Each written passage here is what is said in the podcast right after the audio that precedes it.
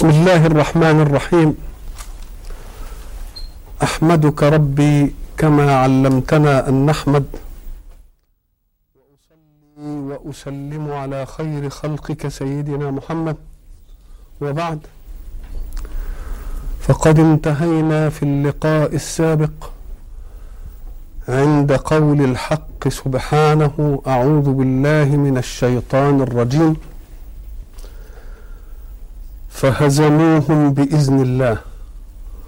وقتل داود جالوت وآتاه الله الملك والحكمة وعلمه مما يشاء.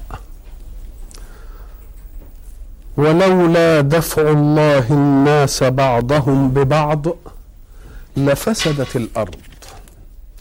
ولكن الله ذو فضل على العالمين. قول الله ولولا دفع الله الناس بعضهم ببعض لفسدت الأرض تعقيبا على قصة الصراع بين بني إسرائيل وبين أعدائهم الذين أخرجوهم من ديارهم بغير وقلنا في هذه القصة إنهم حين طلبوا من الله الإذن بالقتال بعث الله لهم ملكا ليقاتلوا تحت رايته وكانت علامة هذا الملك في الصدق عن الله أن يأتي الله بالتابوت ليكون علامة على أنه هو. وأب وأيدنا الحق سبحانه وتعالى في قضية اجتماعية ينتهي إليها الناس عادة بحكيم الرأي ولو بدون الوحي. وهي أن الإنسان إذا ما أقبل على أمر يجب أن يعد له إعدادا بالأسباب البشرية. حتى إذا ما استوفى إعداده كل الأسباب لجأ إلى معونة الله. لأن الأسباب كما قلنا هي من يد الله. فلا تردن أنت يد الله بأسبابها لتطلب معونة الله بذاته. خذ الأسباب لأنها من يد ربك. ونجد في القصة أن من الأسباب تمحيص الذين يدافعون عن الحق تمحيصا يبين لنا قوة ثباتهم بالاختبار.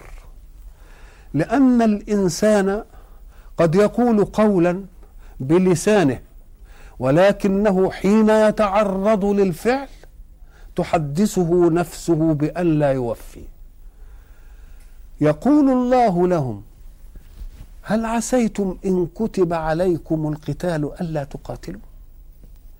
راجعوا أنفسكم واعرفوا ما يتطلبه القتال.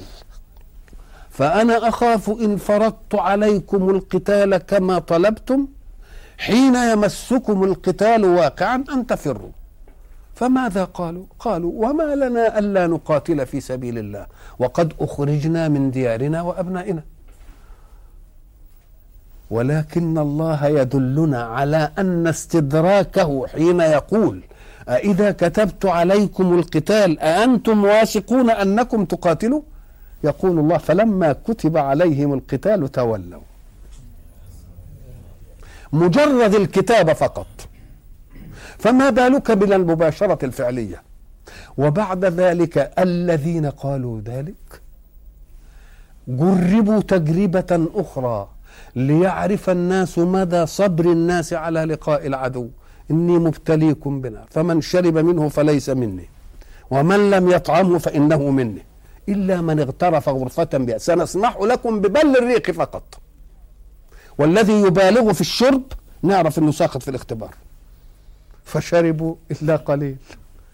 شوف المسألة المصفى جت إزاي؟ وهذا القليل الذي لم يشرب بل اكتفى ببل ريقه حينما واجه المعركة قال ده إحنا ملناش طاقة بجالوت وجنوده. لكن قلة من هؤلاء قالوا لي كم من فئة قليلة غلبت فئة كثيرة بإذن الله. هذه هي التصفية. وفعلا دارت المعركة وهزم هؤلاء أعداءهم وانتصر داود بقتل جالوت. إذا فتلك قضية دفاع دفاع أناس بأناس. يقول الله قضية عامة لولا دفع الله الناس بعضهم ببعض لفسدت الأرض. لولا أن الله دفع بالقلة المؤمنة من بني إسرائيل الكسرة من عدوهم لفسدت الأرض. إذا فالله يدفع ولكن بيد خلقه. قاتلوهم يعذبهم الله بأيديكم. ولولا دفع الله الناس بعضهم ببعض لفسدت الأرض. قبل الآية مقدمة وهي أخرجوا من ديارهم وأبنائهم وإلى آخره فكان مبرر القتال هذا. تجد آية أخرى برضه ولولا دفع الله الناس بعضهم ببعض. السياق مختلف. القضية هنا قضية ناس بيحاربوا هم بالفعل. هتيجي في سياق آخر. ولذلك بيجي الجواب مختلف. هنا الجواب لفسدت الأرض. لولا دفع الله الناس بعضهم ببعض لفسدت الأرض. هناك؟ ولولا دفع الله الناس بعضهم ببعض لهدمت صوامع وبيع وصلوات ومساجد يذكر فيها اسم الله كثيرا. ولا ينصرن الله من ينصره. ادي السياق. اذا فالآيتين ولولا دفع الله الناس بعضهم ببعض اثنين وردوا في القرآن. بس السياق الأول مختلف والسياق الأخير مختلف. لكن فيه واحدة جامعة بين الاثنين. ألم يقولوا وما لنا ألا نقاتل في سبيل الله وقد أخرجنا من ديارنا وأبنائنا؟ اذا فالقتال كان بسبب أنهم أخرجوا من ديارهم وأبنائهم. برضو الآية الثانية ولولا دفع الله الناس بعضهم ببعض هي هذه. الذين أخرجوا إيه؟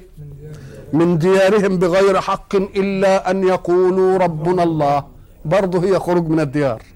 بس خروج من الديار دول خلاهم يقاتلوا وخروج من الديار المستضعفين اللي كانوا في مكة خرجوا من ديارهم لينضموا هناك إلى إخوانهم المؤمنين في دار الإيمان ثم يعيدوا الكر ويدخلوا فاتحين هنا.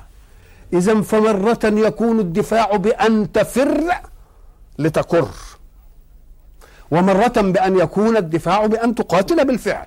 فالآية التي معنا هنا قاتلوا بالفعل. والآية الثانية خرجوا من مكة ليرجعوا إليها فاتحين. يبقى هذا دفع. يبقى الخروج نفسه هذا لون من الدفع. ليه؟ لأنهم لو بقوا ربما أفناهم خصومهم فلم يبق للإسلام خميرة. فذهبوا إلى المدينة وكونوا الدولة الإسلامية ثم عادوا منتصرين فاتحين إيه إذا جاء نصر الله والإيه؟ والفتح. إذا فالسياق في الآيتين واحد. ولكن النتيجة هناك هنا يقول ولولا دفع الله الناس بعضهم ببعض لفسدت الأرض. ليه تفسد الأرض؟ لأن معنى دفاع الله الناس بعضهم ببعض إن فيه ناس ألفوا الفساد. وفي ناس خرجوا على من ألف الفساد ليردوهم إلى ماذا؟ يردوهم إلى الصلاح. إذا فالحق سبحانه وتعالى يعطينا في الآية الثانية السبب. هنا لفسدت الأرض دي الغاية. بسبب إيه؟ قال لك ولولا دفع الله الناس بعضهم ببعض لهدمت صوامع. وبيع وصلوات ومساجد يذكر فيها اسم الله كثيرا. إذا هدم الصوامع ما هي الصوامع؟ الصوامع هي ما تقابل الآن الدير للنصارى. المتع... المتعبدين لله فيه متعبد عام بالتكليف العام وفيه متعبد ثاني ألزم نفسه بشيء فوق ما كلفه الله به. فالذين يعبدون الله بهذه يجلسون في أماكن بعيدة عن الناس يسموها الإيه؟ الصوامع اسمها اللي هي مقابل الدير الآن. والمعنى العام في التعبد للمسيحيين مثلا الكنائس. يبقى إيه؟ لهدمت صوامع دي لمين؟ لخاصة المتدينين. وكنائس لعامة المتدينين. وصلوات دي بتاعت مين؟ من صالوتة صالوتة دي يعني مكان العبادة للإيه؟ لليهود. ومساجد إحنا بقى. نعلم. يبقى إذا قول الله لفسدت الأرض هنا. وقوله هناك لهدمت صوامع وبيع إذا فستفسد الأرض إن لم تقم الصوامع. والبيع والصلوات والمساجد لأنها هي التي تربط المخلوق بالخالق. الله وما دام دي اللي بتربط المخلوق بالخالق إن هدمت ديا يبقى الناس على غير ذكر بربهم وتفتنهم أسباب الدنيا. اذا فالأديرة اذا فالكنائس اذا فالصوامع في أيام ما كانت. والمساجد هنا هي إيه حارسة القيم في الوجود. لأنها تذكرك دائما بالعبودية وتمنع عنك الغرور. لأنك أنت المساجد دي ولذلك إحنا بقى أمة محمد هو جاب ديكها اسمها إيه؟ صوامع. والصومعة معروفة دي للمبنى مش كده؟ عال وكنائس برضه لل إنما إحنا جاب لنا الاسم بتاع إيه؟ مساجد من الإيه؟ من السجود اللي هو إيه؟ منتهى الخضوع إلى الرب. شوف اسمنا إحنا بقى. منتهى الخضوع لمين؟ للرب. فمنتهى الخضوع للرب دي لما تكون بتخضع له خمس مرات في اليوم إن كان عندك شيء من الغرور لازم يذوب. مش ممكن. تفضل متواضع بذل بذلة العبودية لله. وتبقى في كونه وعارف إن كونه ده كله فضل فضل منه عليك. يبقى ما يدخلكش شيء من من الغرور. فإذا لم يدخلك شيء من الغرور استقبلت أسباب الله في مطلوبات الله. أما أن تأخذ أنت أسباب الله في غير مطلوبات الله تبقى قحة دي. تاخد نعم ربنا ربنا أقدر إيدك على الحركة. تقوم تعصى ربنا بها وتضرب بها الواحد أقدر لسانك. تقوم تأذي به واحد بكلمة. لا اداك نعمة تقوم تستعملها في المعصية. لا يبقى إذا قول الله لفسدت الأرض ليه؟ لأن قال لولا دفع الله الناس بعضهم لهدمت صوامع وبيع ودي بتعمل إيه؟ اللي بتبقي أصول القيم في التدين أصول القيم في التدين غير كل التدين ولذلك إحنا قلنا إن الحق سبحانه وتعالى جعل الأركان الخمسة دي أركان إيه الإسلام. أركان الإسلام اللي بني عليها الإسلام يبقى لازم تدور على الإسلام وهي الخمسة دول. ما تقولش الإسلام هو الخمسة دول. ده الإسلام مبني على الخمسة دول. مبني على الخمسة. يعني الإيه؟ الأعمدة أو الأسس التي بني عليها الإسلام. أنت لما تيجي بقى وتعمل الأعمدة وتعمل الأساس وتعمل ما, ما تجيش تسكن. لازم تبني بقى الحاجات التانية بقى. آه. يبقى اذا الإسلام مبني على هذه الإيه؟ الأشياء. يبقى الحق سبحانه بتقول يقول حافظوا على أماكن هذه القيم. لأن المساجد ده إحنا نتكلم بالعرف الإسلامي لأن المساجد هي متلقى فيوضات الحق النورانية على خلقه. فاللي عايز فيض الخلق بنوره يروح الإيه؟ يروح المسجد لله. يبقى اذا عشان ما تفسدش الأرض يبقى لازم دي إيه توجد. فمرة جاء بالنتيجة ومرة جاء بالسبب. فهنا الآية دي لفسدت الأرض الغايه تفسد الأرض. ليه؟ لأنه هدمت إيه؟ الصوامع والبيع والصلوات والإيه والمساجد. يبقى لم يبقى للناس ارتباط بمين؟ ارتباط بالحق سبحانه وتعالى. دفع الله الناس بعضهم ببعض. يبقى فيه ناس يريدون الشر وأناس يريدون الخير. فمن يريد الشر يدفع بمن يريد مين؟ بمن يريد الخير. إذا وقعت المعركة بهذا الوصف يد الله لا تتخلى. لينصرن الله من؟ ينصره. من ينصره. وما لا تطول المعركة. ولذلك قديما قلنا أن المعارك التي تراها في الكون لا توجد معركة بين حقين لأنه لا يوجد في الوجود حقان. هو حق واحد. بس. ما فيش واحد يقول أنا على حق وخصم على حق. لا. هو حق واحد. يبقى إذا ما فيش معركة بين حقين. لأن ما فيش حقين. يبقى المعركة إن وجدت بتوجد كيف؟ توجد بين حق وباطل. أو بين باطل وباطل. المعركة بين الحق والباطل قلنا قديما أنها لا تطول. لأن الباطل زهوق. الباطل زهوق. والذي يطول في معارك البشر هي إيه؟ هي الباطل والباطل لأنه ليس أحدهما أولى بأن ينصره الله. طب وإزاي بقى تيجي دفع الله الناس بعضهم ببعض في مثل هذه المعركة؟ يقول لك ما هو ده على فساد وده على فساد. ربنا بيدك الفساد ده بالفساد ده. يدك الفساد ده بالفساد. ده ولما يندك الفساد ده بالفساد ده يبقى جناحي الفساد في الكون ينتهوا ويجوا الناس الغلابة بقى اللي ما عندهمش فساد هم اللي يبقوا في الكون. مش كده ولا إيه؟ ولولا دفع الله الناس بعضهم بعض. مثلا المعارك اللي تدور في أي حتة تبص كده تقوم تلاقي ده له هوا وده له إيه؟ وده له هوا. طب ربنا يبقى في جانب مين؟ طبعا ما يبقاش في جانب حد. يسيبهم لبعض. يسيبهم لبعض. وما دام يسيبهم لبعض تبقى المعركة طول لو كان واحد منهم في بال الله كان ربنا سبحانه وتعالى يبقى في جنبه. وبعد ذلك تشوف المعارك مثلا اللي موجودة في العصر الحديث مثلا. معركة تجد وتطول. وبعد ذلك لا تجد القسم الثالث. ما تجدش القسم الثالث. اللي هو إيه القسم الثالث؟ إن طائفتان من المؤمنين إيه؟ فأصلحوا بينهم. ما تجدش حتى اللي بيصلح. تجد كل واحد بينفخ في الحتة اللي إيه؟ اللي هو مولي له. الله يبقوا ثلاثة مش موجودين. مش موجودين. يبقى أدي الخيبة في الكون. الخيبة في الكون اللي معاركه إيه؟ بتطول آه بتطول. ليه؟ لأن ما فيش في بالهم شيء جامع. ما فيش لو في بالهم شيء جامع ما كانش يجي حرب خالص. لو غفلوا عنه تبقى الناس اللي اللي بره اللي بعيد يدخلوا برضه ولا دول دخلوا كمان. يبقى معناها إيه؟ يبقى معناها إن الخيبة في العالم ولا لأ؟ الخيبة في العالم كله. الخيبة وسيظل في خيبة إلى أن يرعوه يطولوا على نفسهم أمد التجربة زي ما يحبوا هيفضل في الخيبة دي لحد ما يرعوي ويفطن إلى أنه لا سبيل إلى أن تنتهي هذه المشاكل إلا أن يرتدوا جميعا عن أهوائهم إلى مراد خالقهم.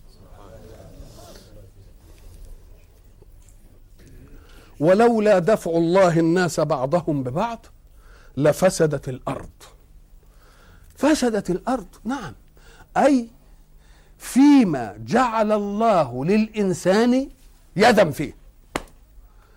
أما الشيء الذي لم يجعل الله للإنسان يدا فيه هتفضل النواميس هي هي ما أثروش في الشمس ما أثروش في القمر ما أثروش في الهواء ما أثروش في المطر. إنما تأثرت إيه؟ الفساد جه في إيه؟ فيما لهم فيه يد. ولذلك انظر إلى الكون. تجد المسائل التي لا دخل ليد الإنسان فيها مستقيمة على أحسن ما يكون. والفساد بيجي من النواحي هي اللي الإنسان دخل فيه. الإنسان دخل فيها إزاي؟ يعني ما يدخلش في حاجة ابدا. قال لك لا دخل فيها بغير منهج ربه. لو دخل فيها بغير منهج بمنهج ربه كانت استقامت الأمور كما استقامت النواميس العليا. تمام. ولذلك قلنا في سورة الرحمن لما السماء رفعها ها ووضع الميزان ما دام السماء رفعها ووضع الميزان والسماء ما تقعش على الأرض والنظام كده محكوم حكم تمام والشمس بتطلع من كلهم في فلك يسبحون ونظام دقيق ولا مش دقيق؟ لأن ملناش دخل إيه؟ فإن أردتم أن تصلح حياتكم وأن تستقيم أموركم كما استقامت هندسة السماء والأرض فخذوا الميزان من الله في أعمالكم والسماء رفعها ووضع الميزان ألا تطغوا في الميزان. وأقيموا الوزن بالقسط ولا تخسروا الميزان. ما دام أنتم شفتم إن الأمور اللي موجودة ليست في يدكم مستقيم الأمر فيه. والفساد جاي من ناحية إيه؟ الأمور اللي أنتم داخلين فيه. طب شوفوا إيه اللي أنتم ماذا قصرتم؟ نقول إن دي ملناش إيد فيه ودي لنا فيها إيد. طب يعني تنكن إيدنا على على الحركة في الحياة؟ لا ما تكنهاش بل اعمل بحركة الحياة بس بمنهج الذي خلق الحياة. إن عملت في الحياة بمنهج الذي خلق الحياة تستقيم لك أمورك كما استقامت الأمور التي هي أعلى إيه؟ احفظ جيدا والسماء رفعها إيه؟ ووضع الميزان. ألا تطغوا في الميزان. عشان ما تطغوش في الميزان. تعرفوا دي موزونة ليه؟ لأن مالكوش فيها اختيار. إنما الأمور اللي لكم فيها اختيار حطوا الميزان كده وأقيموا الوزن بالقسط ولا تخسروا الإيه؟ ولا, تخسروا الميزان.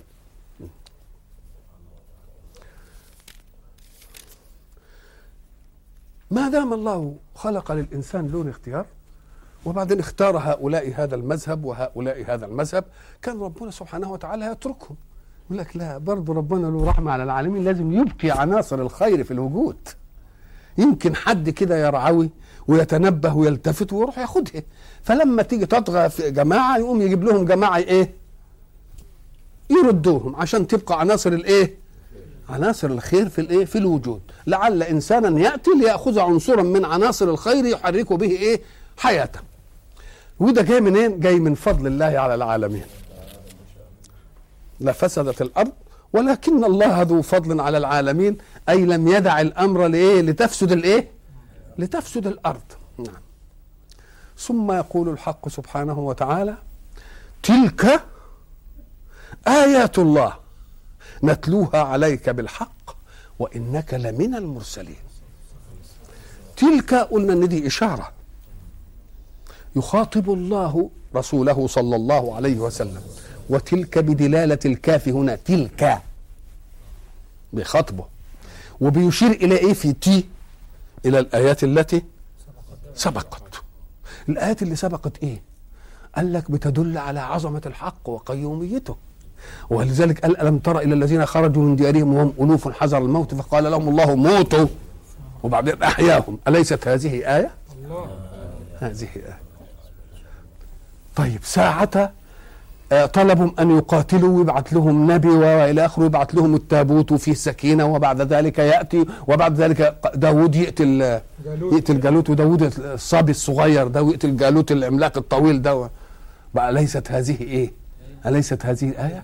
وأيضا جماعة قلة بإقرارهم لا طاقة لنا اليوم بجالوت وإيه؟ وجنوده وجنوده وبعد ذلك دخلوا المعركة وجماعة قلة وهزموا الكسرة تبقى آية ولا لأ؟ طيب هل الرسول كان يعرف هذه الأشياء؟ لا. آه. إخبار الله له مع إقرار الجميع وخاصة الذين كفروا بمحمد مقرين بأنه لا أرى ولا كتب. ولا قعد إلى معلم ولا حد قال له حاجة. حتى الرحلة اللي راحها في التجارة كانوا وياهنا إيه ناس. لو كانوا عارفين إنه قاعد إلى واحد كده وودود له واداله شوية معلومات كانوا قالوا أوه ده كان جالس مع فلان وقعد يقول له شوية معلومات. ما حدش قال دي ابدا. ساعة ما قال امي ولا عندوش حاجة مصدق. ولذلك كان إخباره بما يعلمونه هم عندهم. وده عارفه مع إنهم يعرفوا إنه لا أرى ولا كتب ولا قعد لحد ولا حد كلمه. حتى أن واحدا تمحكوا فيه وقالوا آه، آه، ما يعلمه بشر. قال لهم طيب الراجل اللي بيتردد عليه ده لسان الذي يلحدون إليه أعجمي. وهذا لسان عربي مبين. ما نفعتش. فربنا بيقول له أنت تلك آيات الله نتلوها عليك بالحق. اولا كلمة آيات الله يعني الأشياء العجيبة. طيب. ونتلوها معنى التلاوة جعل كلمة بعد كلمة بلا من ولي. دي ولي ده يعني جه بعده بلا فاصل. نتلوها عليك. بالحق. كلمة الحق يعني الشيء الذي وقع موقعه. حيث لا يتغير عنه. ما يتضاربش ابدا لأنه أمر إيه؟ هب أن حادثة وقعت أمامك. ثم سئلت عنها ألف مرة في طيلة حياتك. لن يختلف الجواب عليها لأنك تحكي واقعا رأيته. لكن لو كانت الحكاية كذب تبقى المرة الثانية ما عرفتش أنت كذبت في الأولى قلت إيه. لأن ما فيش واقع بياخدك. ديك الواقع بياخدك. أو الحق كذلك. أولا لا يتغير ولا يتضارب ولا يتعارض. تلك آيات الله نتلوها عليك إيه؟ بالحق. وما دام إحنا اللي بنقولها لك هنقول لك بقى عليها حقيقة. وبعد ذلك لما هم بقى يعرفوا إنك أنت عرفت اللي عندهم ومدارينه في كتبهم وبيقروا لبعض يعرفوا إنك أنت من المرسلين. ولذلك في ما كنات القرآن ما كنات يعني ما كنت ما كنت ما كنت. وما كنت بجانب الغربي إذ قضينا إلى موسى. وما كنت لديهم إذ يلقون أقلامهم أيهم إيه يكفلون. وما, آه وما كنت بجانب الطور إذ نادينا. وما كنت تتلو من قبله من كده كل ما كنت في القرآن. دي دليل على أن الذي أخبرك هو الحق فعلمته من طريقه لأنهم يقرون بأنك لم تقرأ كتابا ولم تجلس إلى معلم. وهي موافقة لما مين؟ لما عندهم. فكان من الواجب إنهم يقولوا إيه ده أنت اللي علمك بدي إيه؟ المولى سبحانه وتعالى. وإنك لمن الايه وإنك لمن المرسلين. وبعد ذلك يجيء الحق ليشير إشارة أخرى بعد تلك. تلك آيات الله وبعدين يقول تلك الرسل. الرسل ده جمع رسول ولا لا؟ والرسول هو الإيه؟ المكلف برسالة والرسالة هي جملة من الكلام تحمل معنى إلى هدف. مش كده؟ اولا ما دام رسل جماعة كان يقول هؤلاء الرسل. إنما جاب تلك الإشارة إلى الإيه؟ مفرد. ومفرد خد صيغة التأنيث. صيغة إيه؟ مم. قال لك ليدلك على أن الرسل مهما اختلفوا فهم شيء واحد في المنهج. شيء واحد. لو قلنا هؤلاء يمكن ده يبقى بشيء وده بشيء. تلك. تلك إيه؟ يبقى تي إشارة إلى مين؟ إلى جماعة الرسل. مش كده؟ واللام هنا لم يبقى إيه؟ للبعد يقول لك إيه؟ تلك يعني حاجة بعيدة قوي. لما تكون بتشاور لحاجة قريبة تقول ذا ذا عايز تجيب خطاب تقول ذاك مش كده؟ عايز تشير إلى أنثى تقول تي. آه عايز تجيب الخطاب تيكا مثلا.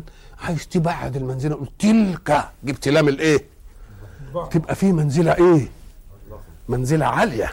منزلة عالية. عرفنا السبب في أنه يأتي بالاشاره إيه؟ ما قالش اولئك جاب تي طب وجابها ليه؟ يا- قال لك لأن كل جمع ياخد صفة التأنيث. كل جمع ياخد صفة إيه؟ ليه؟ أم قال لك لأن التأنيث فرع التذكير وعايز علامة والفرع يبقى فيه الأصل وزيادة. الفرع يبقى فيه الأصل وزيادة. آه. تلك الرسل. تلك الرسل إشارة لإيه؟ طب بيشير إلى إيه؟ الرسل هو الرسل الذي الذين يعلمهم محمد عليه الصلاة والسلام أو الرسل الذين تقدموا في هذا السياق القرآني. طب السياق السياق القرآني اللي تقدم ده تكلم عن موسى تكلم عن مين؟ تكلم عن عيسى اللي هم من أولي العزم. فبيشير إلى هذه إلى الرسل دول. ولا إلى ما يعلمهم النبي صلى الله عليه وسلم. إن أردت الترتيب القرآني هنا هيبقى بيشير إلى الإيه؟ اللي تقدم في السوره دي. وإن أشرت ترتيب النزول يبقى اللي علمه اللي إيه؟ وال وال وال والمناسبة أن هناك وإنك لمن المرسلين. لما كانت وإنك لمن المرسلين تفيد بعضيته صلى الله عليه وسلم لكلية عامة هي الرسل قال إياكم أن تظنوا أنهم ما دام قد اتفقوا في أنهم مرسلون أو أنهم رسل الله أنهم متساوون في المنزلة؟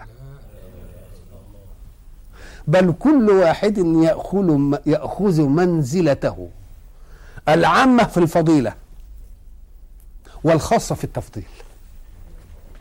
عامة في إيه؟ فضيلة. كلهم رسل. وبعدين يدي لهم منازل خاصة في الإيه؟ في التفضيل. فلما كان قول الله وإنك لمن المرسلين جعلته من ضمن مين؟ المرسلين. المرسلين. يبقى قال ما تاخدش القضية قضية إيه؟ عامة. وتيجي بقى في ال في ال في القضية وتقول إنهم كلهم إيه؟ زي بعض. لا إن فيه ربنا فضل بعضهم على إيه؟ على بعض. التفضيل ده ما هو التفضيل. التفضيل إنك أنت تأتي للغير وتديله مزية. لما تديله مزية عمن سواه نقول لك طب ما دي تبقى محاباة. بتحابيه. أم قال لك لا خد خليك دقيق. التفضيل إيثار الغير بمزية بدافع الحكمة. وديك إيثار الغير بمزية بدافع الهوى والشهوة. ناس متساويين وعندنا منصب كبير عايزين نجيب له فقلنا ده ينفع ده ينفع ده ينفع ده ينفع إنما ده إيه؟ أنفع. ينفعه إن نظرنا بواقع الحكمة نكون نظرنا فيه نظرة نقول دي فيه أشياء ما هيش في مش في الثاني إنما إن كان لأنه قريب ولا لأنه صهر ولا لأنه بدا- يبقى ده بدافع الإيه؟ الهوى. بالهوى والشهوة. يبقى ما الفرق بين المحاباة والتفضيل؟ التفضيل بتؤثر وتدي مزية إنما لحكمة. والتاني بتؤثر وتدي مزية بس لإيه؟ لهوى. لهوى. مثلا هب أنك تركب سفينة. جيب اشتريت لانش وراكبه أنت وابنك الصغير واللي بيسوق اللانش بيسوقه. ابنك كالعادة بده يسوق الإيه؟ اللانش. حط إيده كده وقعد يسوق اللانش. وبعدين جت شوية أمواج أو هواء أو إلى آخره. تقوم أنت واخد الواد كده وروح إيه؟ حطه. الواد يعيط. هو اللي عايز يسوق. تقوم أنت أثرت مين؟ صرت السواق. الإيثار ده إيه محاباه لا كنت حبيبي كنت حبيبني إنما أنا بأثيره لحكمه لأنه هو الأعلم بهذه المسألة والولد يمكن يودينا فيها اعظم آه. يبقى اذا إذا نظرت إلى حيثية الإيثار وحيثية التمييز لحكمة يبقى هو ده اسمه التفضيل. المحاباة تبقى إيه؟ الهوى هو الحاكم والإيه؟ والشهوة. الحق سبحانه وتعالى كل أعماله حكمة. ليه؟ لأنه أصل ملوش هوى ولا شهوة لأن كلنا جميعا بالنسبة إليه واحد. إذا هو لما يدي مزية أو يدي خير أو يدي فضيلة يبقى القصد فيها إلى مين؟ إلى الحكمة. حينما قال إنك لمن المرسلين جاء بالآيات تلك الرسل فضلنا بعضهم على بعض. أي بعض مفضل وأي بعض مفضل عليه. إدانا نماذج للتفضيل. قال لك منهم من كلم الله. طيب. وده ساعة ما تسمع منهم من كلم الله بيجي في الذهن مباشرة من؟ موسى موسى عليه السلام. وإلا فالله كلم الملائكة. مش كده؟ منهم من كلم الله وبعدين ورفع بعضهم درجات وبعدين وقال وآتينا عيسى ابن مريم البينات. الأول شخص. مش كده؟ شخص بالوصف الغالب. كلم الله فعرف إنه إيه؟ إنه موسى. والتاني شخص بالعالمية. اتينا عيسى ابن مريم وفي الوسط كده جاب ورفع بعضهم فوق بعض إيه؟ درجات وقال الخطاب في الآيات لمن؟ لمحمد صلى الله عليه وسلم. إذا ففيه كلام عن الغير لمين؟ لمخاطب هو محمد. فلما ما جابش محمد دي خالص لأن هو بيخاطب مين؟ بيخاطب سيدنا محمد. قال له منهم من كلم الله فهم إنه إيه؟ ورفع بعضهم إيه؟ درجات. وأتينا عيسى ابن مريم. وقفنا عند ورفع بعضهم درجات. ساعة يأتي التشخص. بالاسم أو بالوصف الغالب يبقى حدد المراد ولا لا؟ حدد المراد بالنصية. إنما ساعة ما يجيب بالوصف وترك لفطنة السامع أن يرد الوصف إلى صاحبه كأنه مفهوم أن ما ينطبقش على حد إلا ده كأنه لا ينطبق إلا على مين؟ إلا على ده وأيضا فإنها جاء في الوسط. ما جابش المشخصات على جانب واللي غير مشخص على جانب ده جابه فين؟ في الوسط. وهو تاريخيا مش في الوسط. ده هو جه بعدهم على طول. إنما لما تشوف المنهج تقوم تجد المنهج الوسط بتاعه. اليهودية أسرفت في المادية بلا روحانية. والمسيحية أسرفت في الروحانية بلا مادية والعالم يحتاج مادية محروسة بروحية. فجاء محمد صلى الله عليه وسلم فكأنه صلى الله عليه وسلم قب الميزان في قضية الوجود. قب الميزان في قضية الإيه؟ في الوجود. وإذا ما أردنا أن نعرف مناطات التفضيل بتتفضل ليه؟ لأن مجاله قد إيه؟ فيه واحد بيرسل إلى قرية. مش كده؟ زي سيدنا لوط مثلا. يصحب الأيكة حتة واسعة شوية بيصحب إلى أم الله. وفي واحد بعمر محدود الرسالة. مش كده؟ الله. وفي واحد قال له روح لا انت للإنس. وللجن. وللجن. ولكل من يوجد من الإنس والجن إلى أن تقوم الساعة. فإذا كان التفضيل هو مجال العمل يبقى بالعقل كده يبقى هو مين؟ يبقى هو عليه الصلاة والإيه؟ عليه الصلاة والسلام. ثم أيضا المعجزات التي أتى الله بها لرسله ليثبتوا للناس صدق بلاغهم عن ربهم. كل المعجزات جاءت معجزات كونية. معنى معجزات كونية معجزات مادية. مادية يعني إيه؟ حسية. اللي شافها آمن بها. اللي شاف العصا وهي بتضرب البحر وانفلق ادي معجزة مادية. بتشاف ولا لأ؟ واللي شاف عيسى عليه السلام بيبرئ الأكمه والأبرص شافها مادية. إنما ألها وجود الآن غير الخبر؟ لكن محمدا صلى الله عليه وسلم حينما يشاء الله أن يأتيه بمعجزة لا يأتي له بمعجزة من جنس المحسات التي تحدث مرة وتنتهي. ورائها محدود. لأن الرسالة محدودة. أن الرسالة ولكن إذا كان الله قد بعث محمدا صلى الله عليه وسلم إلى أن تقوم الساعة تبقى غير محدودة. يبقى لابد أن تكون معجزته غير محسة وإنما معقولة. لأن العقل هو القدر المشترك عند الجميع. يستطيع كل واحد الآن أن يقول محمد رسول الله وتلك معجزته. أهي. إنما لا يستطيع واحد أن يقول موسى رسول الله وتلك ما يقدرش يشاور لأنها خبر. أنها إيه؟ خبر. إنما دي واقع. إيه؟ دي واقع. فيبقى هذا مناط مناط التفضيل. أيضا. الرسل ما جاءوا ليشرعوا. ما دام التفضيل بيدي مزية. الذي ينقل الرسل كانوا ينقلون الأحكام عن الله وليس لهم أن يشرعوا. الرسول محمد صلى الله عليه وسلم هو الرسول الوحيد الذي قال الله له وما آتاكم الرسول فخذوه وما نهاكم عنه فانتهوا. الله. هو مشرع. يبقى أليست هذه مزية؟ ما دام المراد من المنهج السماوي القوانين التي تحكم حركة الحياة في سك... في الخلافة في الأرض. ما دام هذا هو يبقى القوانين دي نوعين. نوع جاي جاء من الله وده كل الرسل فيه سواء. ونوع فوض فيه رسول الله أن يضع من التشريع ما يلائم ما يرى. يبقى دي تفضيل ولا مش تفضيل؟ يبقى حين يقول ورفع بعضهم يبقى فهم من؟ دي أكتر من إنه يصرح بالاسم.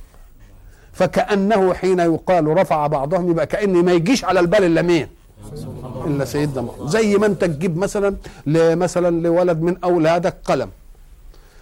آه والولد قلم عادي. ولد تجيب له مثلا قلم بركر ولد تجيب له مثلا ساعة. وولد تجيب له هدية ثمينه تانية. أقول لهم قالينا على كل حال بقى جبت جبت لفلان قلم مش عارف إيه وجبت لفلان إيه وجبت وبعضهم بقى جبت له حاجة بعضهم يبقى تعين ولا ما تعينش؟ يبقى تعين. بعضهم اتعين ولا لا؟ يبقى تعين. تلك الرسل فضلنا بعضهم على بعض. منهم من كلم الله. حين تقول كلم الله إياك أن تغفل عن قضية كلية تحكم كل وصف لله يوجد نظيره في البشر. أنا أتكلم والله يتكلم. لكن أكلامه مثل كلامي؟ إن كنت تعتقد أن وجودي كوجوده فاجعل كلامي ككلامه. طب اشمعنى ما دام وجودي مش هو وجوده؟ عايز تعمل كلامه زي كلامي ليه؟ وتقول كيف يصوت الله بحرف وكيف يبقى له أوتار صوتية؟ نقول له لا. أنت ما بتاخدش ديا في إيه؟ بسبحان الله. في ليس كمثله شيء. ليس كمثله إيه؟ ليس كمثله شيء. فخذ كل وصف يرد عن الله بواسطة الله ما تحطش أنت وصف من عندك. وبعد ذلك لا تقارنه بوصف معك. فلله حياة ولك حياة. أحياتك كحياته؟ لا. حياته ذاتية. وحياتك موهوبة مسلوبة. حياة ذاتية وحياتك موهوبة إيه؟ مسلوبة. تبقى مش زيه. مش كده؟ ولذلك لما يقول مثلا إيه آه، استوى على العرش وجل ما تعملش جلوسه زي جلوسك ولا قعاده زي قعادك ولا كرسي زي كرسيك ولا ما يمكنش. ده أنت في البشر. إحنا ضربنا مثل مرة وقلنا إن الناس هيدعي واحد صاحبك هيدعيك تاكل عنده واحد قال آه، أكبر منه شوية يدعيك تاكل عنده والتاني يدعيك تاكل عنده. ما بتروحش تاكل العدس هنا زي العدس هنا ولا اللحمة هنا زي اللحمة هنا ولا بتاع. البشر نفسهم بتتفاوت الأمور الوصفية بالنسبة لهم بالنسبة لمقاماتهم ولقدراتهم ولإمكانياتهم. فإذا ما ترقيت بالصفة إلى خالق كل الأشياء يبقى دي ما دي يبقى مش دي فحين تقول كلم الله المهم أنه أعلم رسوله بأي وسيلة من وسائل الأعلام. مفهوم؟ منهم من كلم الإيه؟ كلم الله. ورفع بعضهم درجات وآتينا عيسى ابن مريم البينات. انظروا جيدا إلى أن الحق سبحانه وتعالى يؤكد دائما في الكلام عن سيدنا عيسى عيسى ابن مريم. عيسى؟ آه، النسب الإلهي. النسب الإلهي اللي هو اللي هو قايله. بيؤكد على دي. وأيدناه بروح القدس. نلاحظ إن كلمة وايدناه بروح القدس. جاية لمين لسيدنا عيسى. أم قال لك نعم لأن المسائل التي تعرض لها سيدنا عيسى مسائل لازم تخلي روح القدس دايما في إيه؟ وياه. في ميلاده تعرض لإشكال. مش كده؟ في موته تعرض لإشكال. مش كده ولا لا؟ كل المسائل دي. فكان إيه؟ يقولوا أيدناه بإيه؟ بروح الإيه؟ بروح القدس لأن كل حياته ولذلك شوف آه، الله سبحانه وتعالى يحكي عنه والسلام على يوم إيه؟ ويوم ويوم. لأن كل مشاكل المشاكل اللي تعرض لها سيدنا عيسى مشاكل كبيرة. في الميلاد تعرض لمشكلة. مش كده ولا لا؟ لأنه ولد على غير طريقة ميلاد الناس وتلك مشكلة تهمت فيها أمه وجاء القرآن فنزهها وبرأها ووضع الأمر في نصابه الحق. مش كده؟ وبعضه في الإيه؟ في موته. حبوا يقتلوه مثلا. ولذلك قال سلام علي يوم موت مش هيحصل لي حاجة. ويوم أموت برضه مش هيحصل لي إيه؟ حاجة. ويوم ابعث حي. ولذلك ربنا قال ابشروا أن عليه سلام يوم ولد وسلام يوم إيه؟ يموت. وسلام يوم يبعث إيه؟ وسلام يوم يبعث حيا. وإلى لقاء آخر إن شاء الله.